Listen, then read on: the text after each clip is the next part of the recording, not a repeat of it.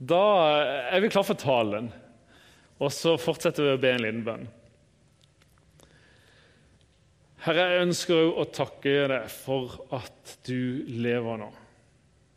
Takk for at vi eh, er dine barn. Vi tilhører noe mer enn et trossystem eller, eh, eller eh, en idé, men vi er dine barn. Arvinger til himmelen elsker deg med en evig kjærlighet, og du er en levende Gud som vant over døden, vant over synden. Takk for at vi kan feire det hver søndag. Ja, vi kan feire det hver dag, og så er søndagen gitt oss her som en egen spesiell dag for å feire det som en levende Gud. Kom nå med din Hellige Ånd, åpenbar ditt ord og ditt liv for oss. I Jesu navn. Amen. Teksten i dag er dagens tekst, og jeg tror faktisk vi skal reise oss. Eller, nei, jeg vet at de som jeg tror ikke bare. Vi, vi reiser oss i dag og leser dagens tekst. Jeg tar meg den frihet å lese de to versene før fra Johannes 6. Det er vers 24-36 som er dagens tekst, og vi begynner i vers 22. Før jeg leser, skal jeg bare kjapt konteksten. Jesus har metta 5000 på den ene siden av, eller på den andre sida av Galileasjøen.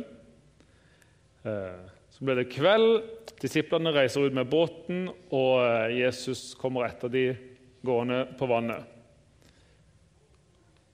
Det er konteksten. Og Så kommer dagen etterpå. Dagen etter var det en av mange mennesker på den andre siden av sjøen. De hadde sett at det bare var én båt der, og at Jesus ikke var gått om bord i den sammen med disiplene. De hadde dratt bort alene. Noen båter fra Tiberias la nå til nær stedet hvor Herren hadde bedt takkebønnen, og de hadde spist brødet. Da folk så at verken Jesus eller disiplene hans var der, gikk de i båten og dro over til Kapernaum for å lete etter ham. De fant ham på den andre siden av sjøen, nei, på den siden av sjøen og sa til ham, 'Rabbi, når kom du hit?' Jesus svarte, 'Sannelig, sannelig, jeg sier dere, dere leter ikke etter meg fordi dere har sett tegn, men fordi dere spiste av brødene og ble mette. Arbeid ikke for den mat som forgår, men for den mat som består og gir evig liv. Den som menneskesønnen vil gi dere. For på ham har Far, Gud selv, satt sitt seil. Da sa de til ham, Hvilke gjerninger er det da Gud vil vi skal gjøre? Jesus svarte, 'Dette er den gjerning Gud vil dere skal gjøre.' Tro på Ham som Gud har sendt. Hvilket tegn gjør du så vi kan se det og tro på deg? Hva vil du gjøre? spurte de. Våre fedre spiste manna i ørkenen. Slikt står skrevet. Brød fra himmelen ga han dem å spise. Jesus svarte. Sannelig, sannelig, jeg sier dere, Moses ga dere ikke brød fra himmelen. Det er min far som gir dere det sanne brødet fra himmelen. Guds brød er det brød som kommer ned fra himmelen og gir verden liv. Da sa de til ham, Herre, gi oss alltid dette brødet. Jesus svarte, Jeg er livets brød. Den som kommer til meg, skal ikke hungre. Den som tror på meg, skal aldri tørste. Men jeg har sagt dere, enda dere har sett meg, tror dere ikke. Amen.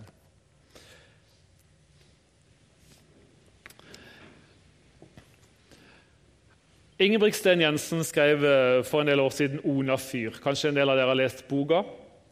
Etter det så begynte alle sånne strategiprosesser å snakke om hårete mål. hva nå det er. Men, men uansett, Onafyret eh, var nå en artig bok. Eh, I et av kapitlene der så, så sier Ingebrigt Sten Jensen alle våre ønsker, ambisjoner og håp kan samles og sorteres i fem kategorier av evig gyldige drømmer. Og henter disse fem kategoriene fra reklameskaperen Leon Nordin. Så sier han vi kan samle i disse fem drømmene evig liv, evig ungdom, evig rikdom, evig virilitet og evig lykke. Og så sier Ingebrigtsen Jensen at alle, eh, alle, produkter eller tjenester som dere skal tilby, de må oppfylle minst én av disse drømmene. Og så lar vi oss lure. Eh, det er fascinerende så lett vi lar oss lure av reklamer, av disse salgsprosessene. De tilbyr, de lover, og vi tror på det. Og hvorfor? Jo, det tror jeg er fordi vi lar oss altfor lett tilfredsstille. C.S. Lewis Veldig sitater fra begynnelsen, men C.S. Lewis, en av de fremste tenkerne i det siste, kristne tenkerne det siste århundret kanskje den fremste, han skriver i boka 'Djevelen hever glasset'. Ja, hvis vi tenker over hvordan evangeliene uten blussel lover belønning, og hvilken overveldende form for belønning de lover, virker det som om vår Herre ikke finner våre begjær for sterke, men for svake. Vi er halvhjertede skapninger som går og fjaser med drikk og sex og ærgjerrighet når vi blir tilbudt glede som et uvitende barn som vil fortsette å lage sølekaker i slummen fordi de ikke kan forestille seg hva tilbudet om ferie ved sjøen betyr. Det er altfor lett å tilfredsstille oss, sier C.S. Lewis. Og I dagens tekst er det en rekke mennesker som oppsøker Jesus. Hvorfor gjør de det? Jo, for de har opplevd brødunderet dagen før. Og de vil ha mat. Det er klart, De vil jo sikkert oppleve det under igjen. Det må ha vært en fantastisk opplevelse å se det. Men så graver Jesus dypere. Det er akkurat som Han henter fram, nei, han henter ikke fram Maslows behovspyramide, men det er akkurat som han sier at, det, at det, eh, den dagen dere har Maslows behovspyramide Det fins noe under der. Det fins noe som er enda viktigere. Det fins et basisbehov som er enda viktigere. Og så, graver, så åpner han opp på deres innerste lengsler og drømmer. Og så kommer responsen ifra dem. Herre, gi oss alltid dette brødet. Parallellen til, til, historien to kapitler før, Johannes 4, er jo slående. Jesus eh, møter ei samaritansk kvinne midt på dagen. Vi har hørt historien, mange av oss. Hun kommer ut midt på dagen for å hente vann. Og Allerede der skjønner vi at det er ikke alt som skal være hos denne kvinna. Ingen går ut midt på dagen for å hente vann. Unngår hun folk? Skammer hun seg over livet sitt? Hva er det for noe? Og Så spør Jesus om, om han kan få litt vann. Han gjør noe uhørt. En mann, jødisk mann oppsøker en samaritansk kvinne og snakker med henne. Og så, og så dreier samtalen seg gradvis ifra dette vannet som befinner seg i drømmen, og over til det levende vann. Jesus svarte, 'Den som drikker av dette vannet, blir tørst igjen.' 'Men den som drikker av det vannet jeg vil gi, skal aldri mer tørste.' 'For det vannet jeg vil gi, blir i ham en kilde med vann som veller fram og gir evig liv.' 'Herre, gi meg dette vannet', responderer hun. Og Fortsatt så skjønner hun ikke dybden i det, for hun tenker at hun kan slippe å gå ut og hente mer vann. da. Drømmer vi om evig liv, evig ungdom, evig rikdom, evig virilitet, evig lykke? Jeg tror ikke alltid det er samsvar mellom det vi, det vi drømmer om, eller det vi tror vi drømmer om, og det våre dypeste behov egentlig er. Eh, C.S. Lewis sier at vi tilfredsstilles altfor lett. Jeg tror kanskje det er noe av svaret som gjør at Nordin kan legge opp disse her. Ja, vi drømmer om evig ungdom. Det er jo klart så kan vi selge antialdringskrem. Eller starte butikker som heter Be Young, uansett hvor gammel du er. I London er det en butikk som heter Forever 21. og Utrolig slitsomt. Skal alltid streve etter å være litt sånn der, alltid være ung. Men vi lar oss lure. Og så tror jeg vi trenger å lytte til Gud som graver dypere, som åpner opp noen, noen stengte rom. Og sier han, det du egentlig drømmer om, kanskje det handler mer om å bli sett, bli elska, bli anerkjent og bekrefta. Behovet for å tilhøre noe større enn seg sjøl. Behovet for mening med livet. Og selvsagt behovet for evig liv, for evigheten har han lagt i menneskets hjerte. Men, men, når vi ikke får tilfredsstilt dette, så snur vi oss Og så velger vi alternative kilder. Sex, utseende, materialisme, posisjoner, karriere, underholdning. Og så sulter vi, og så tørster vi. Og så kan vi si ja, men, ja, men er alt dette altså, eh, eh, eh, Posisjoner bare en falsk kilde? Er sex bare en falsk kilde? Nei, selvfølgelig ikke. Det er en del av livet. En del av livet Gud har skapt. Men når vi drikker av de for å få dekt vår dypeste tørst, da tror jeg Gud gråter. Jeg tror Gud gråter hver gang han ser et menneske velge surrogatene framfor det ekte, den levende kilden. Noen ganger velger vi løgnen framfor når den føles best, framfor sannheten, selv om den setter oss fri. Og Da snakker jeg ikke bare om, om sånne bevisste løgner som er, som er lett å ta og si at nei, nå snakker jeg usant. Men kanskje også en livsholdning der vi skjuler oss bak et slags image. Der vi, der, vi, der vi, ønsker å dekke oss til, der vi er mer opptatt av hvordan vi oppleves, enn hvem vi egentlig er. Og Jeg tror ikke at det bare gjelder alle andre miljøer. Kanskje vi kristne er minst like utsatt for det.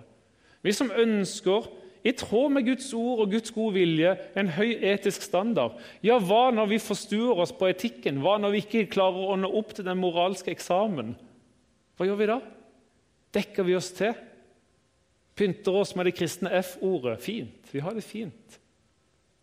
Velger vi løgnen framfor sannheten? Johannes første brev det er fascinerende å se kapittel 1, vers 7. Men dersom vi vandrer i lyset, slik han selv er i lyset Da har vi fellesskap med hverandre. Sannheten har ikke bare en sånn en sånn vertikal retning. Det handler om er Gud. Sannheten i Guds familie har en horisontal retning. Da har vi samfunn med hverandre. Og blodet fra Jesus, hans sønn, renser oss for all synd. Vi velger løgnen når sannheten er for vond, selv om sannheten setter oss fri. Vi velger nytelse når smerten over egen synd, eller kanskje smerten over sår andre har påført oss, gjør for vondt, så velger vi nytelse for å glemme.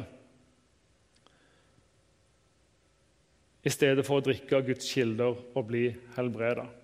Tipp om det er mange som bruker pornografi som en flukt ifra livet, som en flukt ifra smerte. I 1985 skrev Neil Postman en bok som heter 'Vi morer oss til døde'. Dette kan virke som en liten avsporing, men jeg tror han hadde et utrolig viktig poeng for oss. Og, så, og I innledninga peker han på to forskjellige bøker som ble skrevet tidligere. I mellomkrigstida så, så skrev uh, Aldous Huxley en bok som heter 'Vidunderlig ny verden'. En grusom bok. Fascinerende bok, verdt å lese, faktisk. Eh, en såkalt dystopi, en, en sånn mørkt framtidsscenario, der folket blir holdt nede ved hjelp av nytelse. Vi bare tilfører de stadig ting som gjør at de har det godt. For da slipper de, da stopper de aldri opp og stiller spørsmål. Da stopper de aldri opp og søker hva som er sant. Og Så peker han på, på George Orwells kanskje litt mer kjente 1984, om storebror ser deg. Han sier at Disse to forfatterne de hadde to ulike Han sier at det, i 1984 så undertrykkes vi ved tvang og overvåking. I boka 'Vidunderlig ny verden' så, så undertrykkes vi ved hjelp av nytelse, underholdning. Og så skriver Neil Postman, ikke en troende så langt jeg kjenner til, så skriver han en bok som jeg tror er mer profetisk enn vi aner. Han sier at jeg tror at Huxley hadde mer rett enn Orwell. Og så skriver han en bok om underholdningsindustrien i vår tid. Jeg tror vi ofte velger skjermen og andre andre form for underholdning, som en flukt ifra livet. Nei, det er ikke galt å glede seg over god underholdning. Men hvis det blir kilden som skal gi mening, hvis det blir en kilde som, som, som skaper en flukt fra det sanne, så morer vi oss til døde. Så velger vi eh, tingene våre eller karriereklatringa for å kjenne opplevelsen av lykke og vellykkethet. Og igjen, jeg må bare understreke, for jeg merker i mitt hode nå som framstår som veldig sånn negativ og skal liksom bryte ned. Igjen, det er ikke galt å eie, det er ikke galt å gjøre en god karriere. Men hvis det blir meninga med livet, hvis det er der vi søker kilden etter det som, er, det som skal fylle våre dypeste behov, så er det et surrogat for Gud som ønsker å mette oss med sin overflod. For et par år siden hadde NRK en serie som het Oppdrag lykke. Der de hadde noen deltakere som skulle være med, så skulle de på en måte jakte på hva, hva er lykken Hvordan kan de finne lykken sin. En av deltakerne sier man har alt, men, fortsatt, men fortsatt er man ikke lykkelig. Hva er da lykke? Og så fortsetter han. Etter hvert som velstanden øker, viser det seg at penger og eiendeler bare gir kortvarig glede. Og etter at man har nådd karrieremålene, er det ingen god følelse å spørre seg selv om man vil strekke seg enda lenger når man svaret er at man ikke vet, sier Stål Hermo, som sjøl hadde opplevd dette i livet sitt, og nå var blitt med i et program for å si at hva, hva er egentlig lykke? Hva er egentlig meninga? Så velger vi nye relasjoner når, eh, hvis det fins noe bedre rundt hjørnet, fordi det er for smertefullt å holde fast på det som vi har. Selv om fredens Gud ønsker å forsone oss med oss sjøl, med andre og med Gud. Derfor velger vi uforsonlighet også. Når Gud står klar til å overøse oss med sin nåde. Vi velger uforsonlighet i møte med andre, og vi velger altfor ofte uforsonlighet i møte med oss sjøl. Og noen virker å motiveres av forakt. Les kommentarfeltene på nettsider og tenker Åssen har dere det inni dere? Det virker som drivkraften i livet er forakten. Vi tilfredsstilles for lett, sånn som C.S. Lewis sier. Og så tror jeg at vi som Guds folk er kalt og sendt ut til å gjenkjenne tørsten, ikke bare i våre liv, men i andres liv. Ikke møte andres feilvalg med hoderisting og forakt. Men eh, Eller å bli en del av gjengen som spiser og drikker de samme kildene. Vi er kalt til å vise vei til noe annet. Jeremia sier utrolig alvorlige ord og ransakende ord to, i kapittel 2, vers 13. For to onde ting har folket mitt gjort. De har forlatt meg, kilden med det levende vann, og hogget seg brønner, sprukne brønner som ikke holder vann. Vi tilfredsstilles for lett. Og hvilke, hvilke kilder er det vi drikker av? Israelsfolket fikk den dommen over seg. To onde ting har et folk gjort. De har forlatt meg, kilden med det levende vann. Og så har de gått over til surrogatløsninger som aldri vil klare å gi dette vannet, som aldri vil holde vann. Som aldri vil stille tørsten. Jeg syns det er utrolig vakkert å lese i Bibelen. Alle de stedene der Bibelen snakker om mat og drikke som, som et bilde på vår relasjon med Gud. Utrolig vakkert å se. F.eks. Salme 36, vers 8-10. Hvor dyrebar er din kjærlighet, Gud? I skyggen av dine vinger søker menneskebarna ly. De får nyte overfloden i ditt hus. Du lar dem drikke av din gledes bekk. For hos deg er livets kilde. I ditt lys ser vi lys. Fantastisk. Salme 78, vers 15 og 16. Jeg vet ikke om dere rekker å bla opp en gang. jeg bare leser det. Han kløyvde klipper i ørkenen og lot dem drikke som fra det store dypet. Han lot bekker strømme fram av klippen, lot vannet renne ned som elver. Det er Salme 107.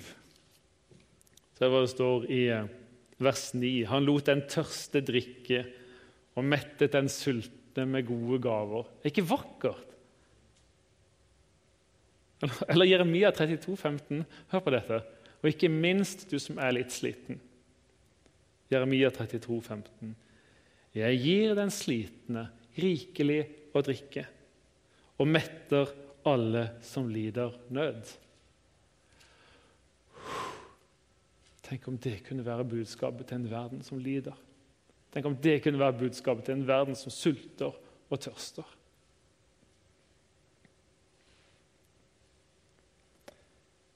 I Jesaja 43 hopper vi til mange vers, men det, det tåler dere. Vi har hørt vers fra 43, vers 19. Se, jeg gjør noe nytt. Nå spirer det fram. Merker dere det ikke? Og hva er det dette nye er? Ja, jeg legger vei i ørkenen, elver i ødemarken. Ville dyr skal ære meg, sjakaler og strutser. For jeg gir vann i ørkenen og elver i ødemarken, så mitt utvalgte folk kan få drikke. Jeg gjør noe nytt, sier Gud. Merker jeg det ikke? Han gir oss vann, levende vann, som vi kan drikke.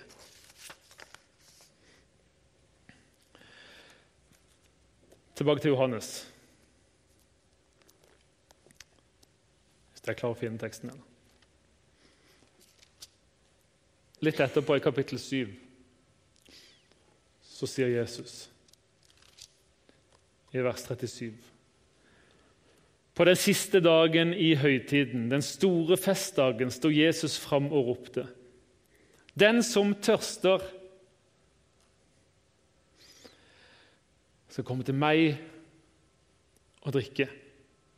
Den som tror på meg, fra hans indre skal det, som Skriften sier, renne elver av levende vann.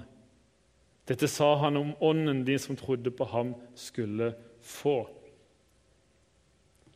Nå tilbys vi levende vann, og invitasjonen er drikk. Drikk dypt av ånden. Ikke la deg tilfredsstille for lett. Ikke la deg tilfredsstille av de surrogatløsningene som du finner rundt forbi deg, og som roper om din oppmerksomhet, som forteller deg Løp og kjøp. Se hva som skjer. Drikk hos oss, og du vil finne lykken. Jeg tror det er som kilder av saltvann. Det vil aldri, aldri dekke vår tørst. Vi blir bare mer tørstige jo mer vi drikker. Og kanskje vi lever billig talt på en, på en diett av sukkerspinn og saltvann.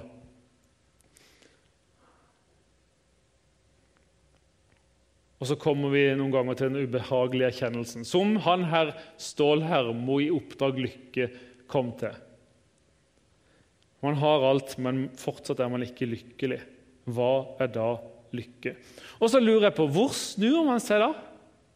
Når mennesker kommer til den erkjennelsen, eller når mennesker opplever at hverdagen møtte de med et smell i ansiktet Håpet forsvant. Hvor snur vi oss når vi opplever at vi frykter? For det er mye frykt i verden nå.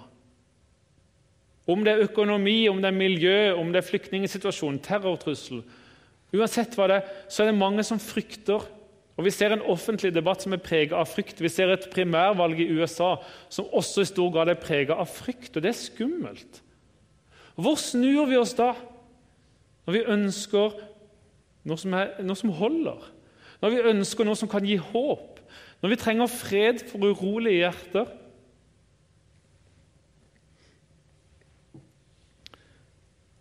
Jeg har sitert historien før, men den har gjort dypt inntrykk på meg. Eh, en prostituert kvinne som kom til en sosialarbeider. Philip Jensi skriver om historien. Og så så kommer hun i, i, dyp fortvilelse fordi hun har solgt sin to år gamle sønn til pedofile. Fordi hun vet at hun kan tjene mer penger på en natt her enn hun kan gjøre sjøl med å selge sin kropp.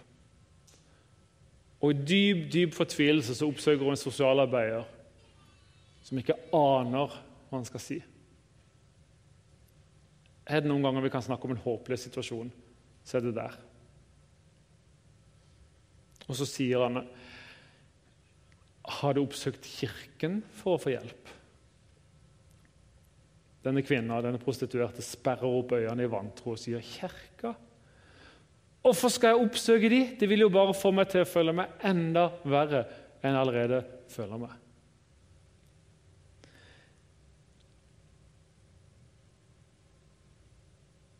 Jeg frykter at ikke hun er alene.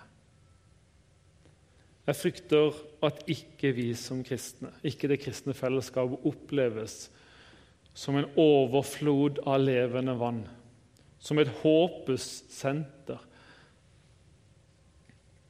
som stedet som renner over av nåde, fred og mening. Jeg frykter at de menneskene som ble tiltrukket til Jesus som ørkendyr i møte med oasen, de menneskene opplever i dag at det ikke er Kirken som gir svaret, og de snur seg rundt og søker andre steder. Hvorfor har det skjedd? Jeg tror En av de viktigste grunnene er at vi som Guds folk ikke drikker dypt nok av disse kildene.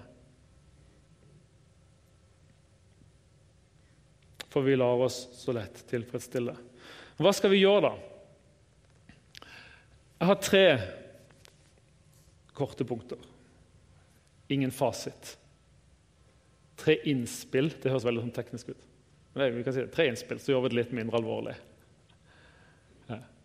Men la oss tenke gjennom det. Jeg tror For det første kan vi gjenfinne det nevnte jeg i går, kan vi gjenoppdage fasten, som går hånd i hånd med bønn. Ikke for å drive med noen slags åndelig selvpining eller kunne slå oss på skuldra og si hvor flinke vi er. Eh, men for å la oss som er så velfødde, bokstavelig og bildelig talt, kjenne på behov, kjenne på sulten og tørsten.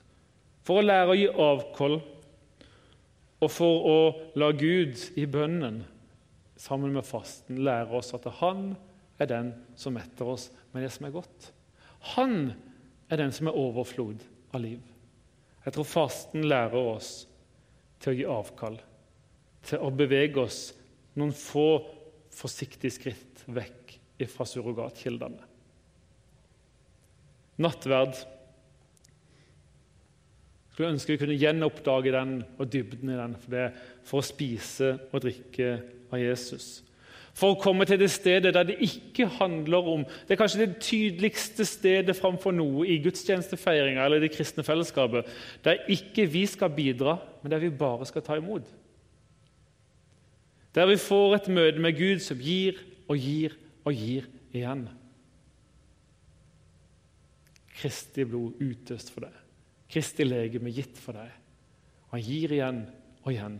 En utømmelig kilde av nåde en utømmelig kilde av liv. Og for det tredje kan vi sammen hjelpe hverandre til å finne tid til stillhet og tid med Gud. Det er en av tankene våre til at familie med det arrangerer skjermfri uke fra fredag som kommer, og så ei uke framover. Et lite sånn stunt. Theodor hjemme hos oss lurte på om jeg som far hadde lov til å tvinge han til å ha skjermfri uke. Og Da sa jeg at ja, eh, men du skal få dessert hver dag. da, da, går det greit. Så vi, må, vi måtte lokke han med noe annet. Men, men, men, det er noe så. Eh, poenget er å, å, lære oss å stoppe opp litt. Stans og kjenne at jeg er Gud, står det i Salme 74 ca. Vi løper som noen hamstere. Løper rundt i det der løperhjulet, og så kan Gud si stopp. Ta en liten pause. Kjenn at jeg er Gud, det er ikke du. Kjenn at jeg er kilden til liv, ikke det du finner på. Kjenn at jeg kan mette det, ikke alle disse herre som roper rundt det. Stopp. Bønn og faste, nattverd og stillhet og tid med Gud Og ikke lag en plan som er uoverkommelig. Start med fem minutter daglig. og det er helt fint. Tenk deg fem minutter daglig 365 dager i året der herlighetens Gud kan fylle deg med det som er godt. Tilbake til innbydelsen som uh, Torgeir begynte med. Kom, alle som tørster. Kom til vannet. Dere uten penger, kom og kjøp korn og spis. Kom, kjøp korn uten penger, vin og melk uten betaling. Og få bruke penger på det som ikke er brød, og arbeide på det som ikke metter. Hør nå på meg, så skal dere få spise det som godt er, og fryde dere over fete retter. Det er en fantastisk invitasjon. En fantastisk invitasjon. Og kanskje det så lurte jeg på, hva, hva, vil jeg med denne talen? Jeg har jo ikke noen punkter i gang. Jeg pleier ofte å ha tre eller fire punkter. Sånn jeg aner ikke om dere har klart å følge tråden min en gang. Men, men hva, hva, vil jeg? Får vi ta den oppsummeringen av det? Hva vil jeg med talen? Og Jeg ønsker så inderlig at vi skal drikke dypt av Guds kilder, som er kilden til liv, kilden med det levende vann. At vi også som Guds folk skal slutte å la oss tilfredsstille så lett skal kjenne på det begjæret som er større, som Gud ønsker skal være større enn verden og djevelen kan klare å dekke. Nei, det, jeg vil ha noe mer.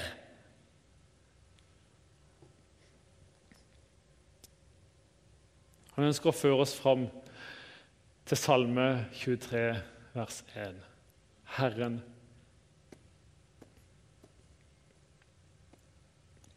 Herren er min hyrde.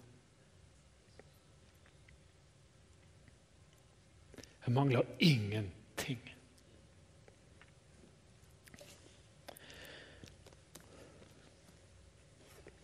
Lovte, lovte unger at de ikke skulle grine i dag. Klarte ikke. Nå skal jeg faktisk, tro det eller ei, lese ifra legenden om Narnia. Det er ei barnebok for dere. Da tenker jeg, men dette, Er det noe å lese? Ja, eh, det, Jeg syns det er en utrolig flott bok med Aslan som et nydelig bilde på Kristus. Dette her er fra boka 'Sølvstolen'. Eh, to barn, Jill og Justus, har, eh, har, kommet seg inn i Narnia på et vis. Det er et helt fremmed sted for Jill, og hun begynner etter hvert å kjenne at hun er fryktelig tørst. Så kommer hun til et vann, og hun eh, tenker at her skal hun drikke. Men så ser hun at der står det en løve. Der står Aslan. Som i C.S. Lewis sin verden er bildet på Kristus.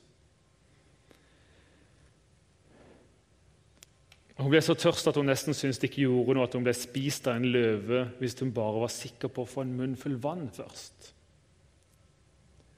Hvis du er tørst, er det bare å drikke. Det var de første ordene hun hadde hørt siden Justus hadde snakka til henne på kanten av stupet. Et øyeblikk så hun seg rundt mens hun lurte på hvem som hadde snakket. Så sa stemmen igjen, 'Kom og drikk hvis du er tørst'. Naturligvis husker hun det Justus hadde sagt om talende dyr i den andre verden, og hun forsto at det var løven som snakket. Dessuten hadde hun denne gangen sett at rørte, den rørte på leppene, og stemmen minnet ikke om en menneskestemme. Den var dypere, villere og kraftigere.